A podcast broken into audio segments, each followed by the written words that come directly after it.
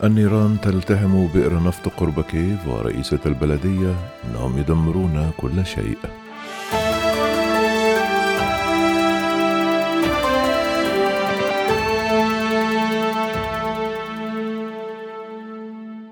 اشتعلت النيران صباح اليوم الأحد في اليوم الرابع للهجمات الروسية على أوكرانيا في إحدى منشآت النفط قرب كيف.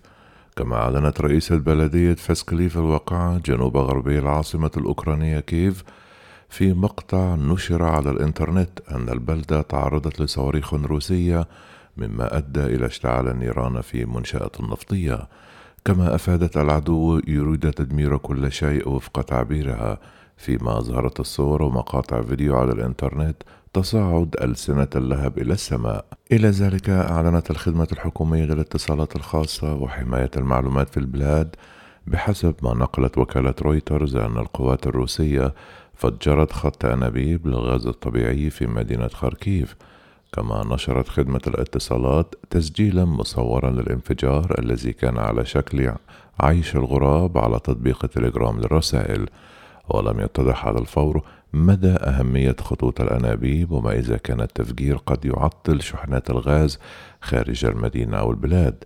يشار إلى أنه رغم الاشتباكات الحاصلة مع الروس في محيط كييف والهجمات الجوية التي ينفذها الطيران الروسي فوق البلاد تواصل أوكرانيا شحن الغاز الطبيعي الروسي إلى أوروبا.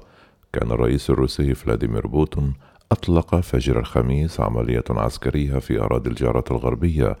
بعد توترات متصاعدة لأشهر حشد خلالها أكثر من 150 ألف جندي على الحدود بين البلدين أتت تلك الخطوة الروسية بعد اعتراف بوتين الأسبوع الماضي باستقلال منطقتي دونيتسك ولوغانسك الانفصاليتين في إقليم دونباس في الشرق الأوكراني ما فجر انتقادات غربية واسعة. فيما عمد الاتحاد الأوروبي والولايات المتحدة وعدة دول غربية أخرى إلى فرض عقوبات واسعة على موسكو والسيد الكرملين أيضا بالإضافة إلى أثرياء روس وسياسيين بارزين على رأسهم وزير الخارجية سيرجي لافروف.